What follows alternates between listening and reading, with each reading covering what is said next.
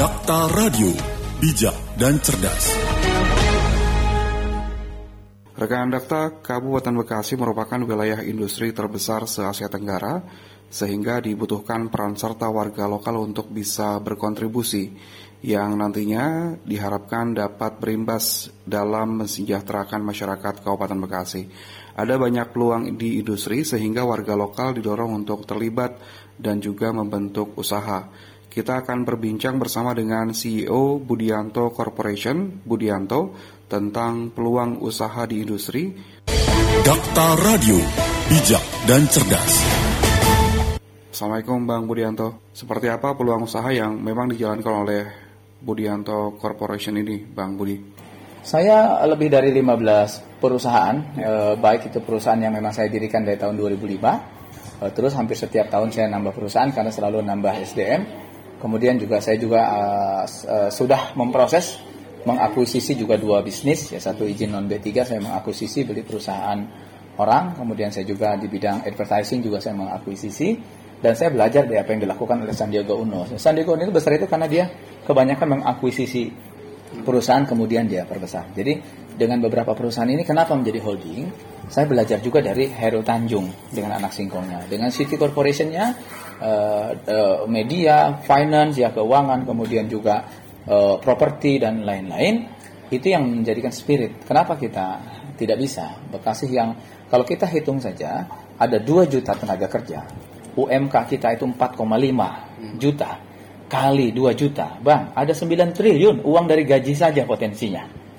Artinya apa? Bekasi ini sangat besar. Kalau ada uang beredar 9 triliun dari konteks gaji saja, artinya itu multiplier efeknya besar terhadap bisnis. Gitu nah. nah kita, saya sebagai orang Cikarang atau kita yang ada hidup di kawasan industri, masa sih mau menonton uh, per, uh, pergerakan uang yang sangat besar? Yeah. Kita harus menjadi bagian dari proses-proses itu. Itu yang semangati saya sehingga uh, Budianto Corporation ini tidak dan jangan bergerak di satu sektor hmm. karena semua sektor di Bekasi ini akan tumbuh gitu apalagi pendekatan industri di Bekasi ini masih growing up. Yeah. growing up abang abang lihat? Delta Mas 3.500 hektar. Baru berapa hektar yang dibangun? Industrinya 1.700 hektar. Mungkin baru 500an hektar yang hari ini tergunakan. Kitik kita 205 hektar. Hari ini ada penambahan lagi 300 hektar. Gitu. Dan itu pasti pengusaha-pengusaha khususnya dari Cina ya. Hmm. kemudian kita lihat juga Lipo. Sudah Delta Silikon 8 yang awalnya Lipo hanya Cibatu Cicau sekarang sudah bergeser ke Serang Baru ke Cilangkara ke Sukasari itu terus melakukan ekspansi yeah. abang lihat juga misalnya e, bicara MM 2100 dia 1700 hektar dengan Bekasi Fajar Industrial Estate-nya kemudian 800 hektar dengan megalopolisnya hmm dan itu masih terus berkembang loh di Bekasi Pajar itu. Abang lihat ke Cibening, yeah. mungkin nanti ke Kertarahayu. Yeah. Artinya apa? Kita akan terus growing up. Dan saya sudah dapat info dari Kemenperin bahwa Karawang Bekasi, khususnya kita bicara Bekasi, tetap menjadi primadonanya industri otomotif dan elektronik. Hmm. Khususnya otomotif. Kenapa? Karena induk semangnya holding-holding perusahaan otomotif itu adanya di Bekasi. Hari ini tuh bang, tidak mungkin ada PT contoh lah, ada ada ada Mitsubishi di kita ya di Delta Mas. Ada Wuling, ada uh, Suzuki. Hmm. Terus sebentar lagi akan ada pabrik motor lagi AHM tuh. Pindahan dari uh, Pegangsaan ke sini ditambah kita di Cibitung. Abang tahu Cibitung aja 9.600 unit motor per hari. Multiplier efek bisnisnya sangat besar. Nah, saya kembali. Kenapa kita harus mempersiapkan berbagai perusahaan di Bekasi? Karena multiplier efek dari pengembangan industri ini sangat besar tidak bisa bang urusan catering hanya satu dua perusahaan. Walaupun sekarang catering sudah banyak, kita bikin perusahaan catering masih besar kok marketnya. Langkah-langkah strategis ini yang harus dilakukan oleh anak-anak Bekasi, gitu, oleh anak-anak muda Bekasi atau pengusaha-pengusaha Bekasi. Karena kita punya sumber daya akses, sumber daya modal dan sumber daya akses yang banyak hal lah, kurang lebih gitu bang. Bagaimana sebenarnya peluang usaha yang ada di industri? Di mana salah satu permasalahan di Kabupaten Bekasi itu yang sangat pelik adalah kan pengangguran, Bang. Kita dan saya sering katakan terkait dengan potensi Bekasi dengan industrinya. Kita 10 kawasan industri, eh, hampir 10.000 hektar, di dalamnya lebih dari 7.000 pabrik. Secara, logika, mungkin kurang lebih antara 1,5 sampai 2 miliar, eh, mohon maaf, 2 juta tenaga kerja yang ada di Kabupaten Bekasi. Tetapi faktanya, berdasarkan data yang saya in, dapat info dari eh, baik dinas pendidikan maupun juga di Snaker itu hampir 70 ribu pengangguran. Itu yang menjadi spirit saya agar mendapat apa agar ikut bagian menyelesaikan masalah itu. Sehingga eh, konsepsi saya dari dulu selain jadi politisi adalah bonus, tetapi yang paling utama saya adalah ingin jadi pengusaha. Pengusaha itu adalah walaupun satu orang pengusaha itu dampaknya ribuan. Saya dengan karyawan lebih dari seribu itu mungkin bisa berdampak terhadap 3.000 sampai 4.000 perut nih bang. Setiap bulan. Terselamatkanlah wasilah perusahaan melalui Budianto Corporation di mana Budianto Corporation ini memang konsepsinya korporasi. Jadi holding company dengan beberapa perusahaan dengan berbagai jenis kegiatan usaha. Dan ini adalah bagian dari kontribusi saya kepada bangsa ini untuk menyiapkan sistem agar uh, ya orang-orang lokal seperti saya bukan bukan lagi jadi penonton, tapi bagian dari subsistem bagaimana tumbuh berkembangnya Bekasi sebagai kota industri terbesar di Asia Tenggara dan juga di Indonesia. Kurang lebih itu, Pak. Terkait dengan segmentasi industri, apa yang memang bisa digarap oleh warga lokal? Ya, kalau kalau abang analisa, saya mungkin sambil info. Dalam konteks bisnis ini ada tiga segmentasi yang sangat luar biasa. Pertama di input. Iya. Input itu sebetulnya bisnis yang sangat utama yaitu bahan baku. Kita jujur lokal local uh, company ini tidak punya kemampuan untuk menyiapkan bahan baku.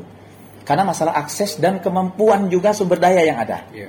Contoh misalnya perusahaan Jepang banyak termasuk otomotif. Itu bahan bakunya kebanyakan dari Jepang, Bang. Ya, Import. import, ya. Selain memang bahan baku dari Jepang import, kedua ini holding mereka. Ketika mendirikan perusahaan di sini sebetulnya ini memang pengembangan dari perusahaan dari usaha-usaha dia di negara lain. Iya. Nah, dan bahan baku ini sangat besar. Yang kedua adalah diproses. Diproses itu bisnis apa yang paling besar? Bang, tenaga kerja. Gitu, tenaga kerja yang paling besar. Mattel yang hampir 12.000 karyawannya.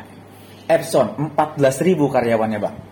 Gitu. Kalau 14.000, kita hitung 10.000 saja, kali 5 juta. Sudah berapa rat- ber- hampir 500 miliar. Iya. Gitu. Artinya besar tuh. Yang ketiga, di output. Bisnis apa yang besar? Limbah, Bang. Limbah. Nah, saya menganalisa itu. Bisa mungkin perusahaan saya berkembang itu satu harus concern di bidang penyediaan bahan baku. Iya. Yang kedua, penyediaan tenaga kerja dan yang ketiga adalah limbah industri. Saya baru di dua ini. Tenaga kerja saya walaupun baru seribu, tetapi kan visinya sudah besar. Yang kedua di limbah, saya udah pegang beberapa perusahaan besar lah. Gitu nah. Tinggal satu lagi bahan baku. Nah, sebisa mungkin ini jangan Budianto saja. Harus banyak juga orang-orang yang bisa mungkin ada hal baik di saya diduplikasi. Terkait dengan iklim usaha industri, keberadaan ormas kan juga sering kali memang menjadi persoalan. Bagaimana menyikapi hal ini sebagai seorang pengusaha dan juga anggota DPRD Kabupaten Bekasi? Jadi peru- eh, kerjasama perusahaan ini eh, satu hal yang paling prinsip adalah hal humanisme ya. Kita ini punya pengalaman, saya termasuk di limbah. Ketika terjadi konflik ini, kadangkala pengusaha pengusaha ini kalau kurang-kurang cerdasnya manuver, eh, itu menjadikan perusahaan mitra ini menjadi medan peperu- peperangan. Ini yang tidak boleh terjadi. Ini yang saya sampaikan kemarin waktu kumpul pengus- perusahaan-perusahaan di dengan LH. Pastikan kalau ada apa-apa, kalau bicara pengamanan, keamanan, koordinasi perusahaan dengan kepolisian. Karena itu kewenangannya. Bukan juga tukang limbah bagian mengamankan itu. Karena kalau bahasanya kami tukang limbah tanggung jawab keamanan, itu akan ada orang yang tersinggung. Dan itu salah, gitu. Nah, jadi dalam konteks itu, Bang, eh, eh, karena ini perusahaan adalah perusahaan-perusahaan multinasional atau internasional bahasa kita, tidak bisa mereka ada perusahaan-perusahaan multinasional atau internasional pakai gaya-gaya lokal. Artinya apa? Orang-orang Bekasi kalau mau nyari duit, pengen usaha, apalagi duitnya banyak, harus memiliki badan hukum usaha. Karena hubungannya bisnis to bisnis. Company to company. Tidak bisa Budianto dengan Hankook, Budianto dengan Honda, Budianto dengan Suzuki, tidak bisa. Tapi harus badan hukum dengan badan hukum. Bang Budianto, terima kasih sudah berbincang bersama dengan Dakta. Wassalamualaikum warahmatullahi wabarakatuh. Dakta Radio, bijak dan cerdas. Rekan Dakta itu tadi perbincangan kami dengan CEO Budianto Corporation sekaligus anggota DPRD Kabupaten Bekasi Budianto.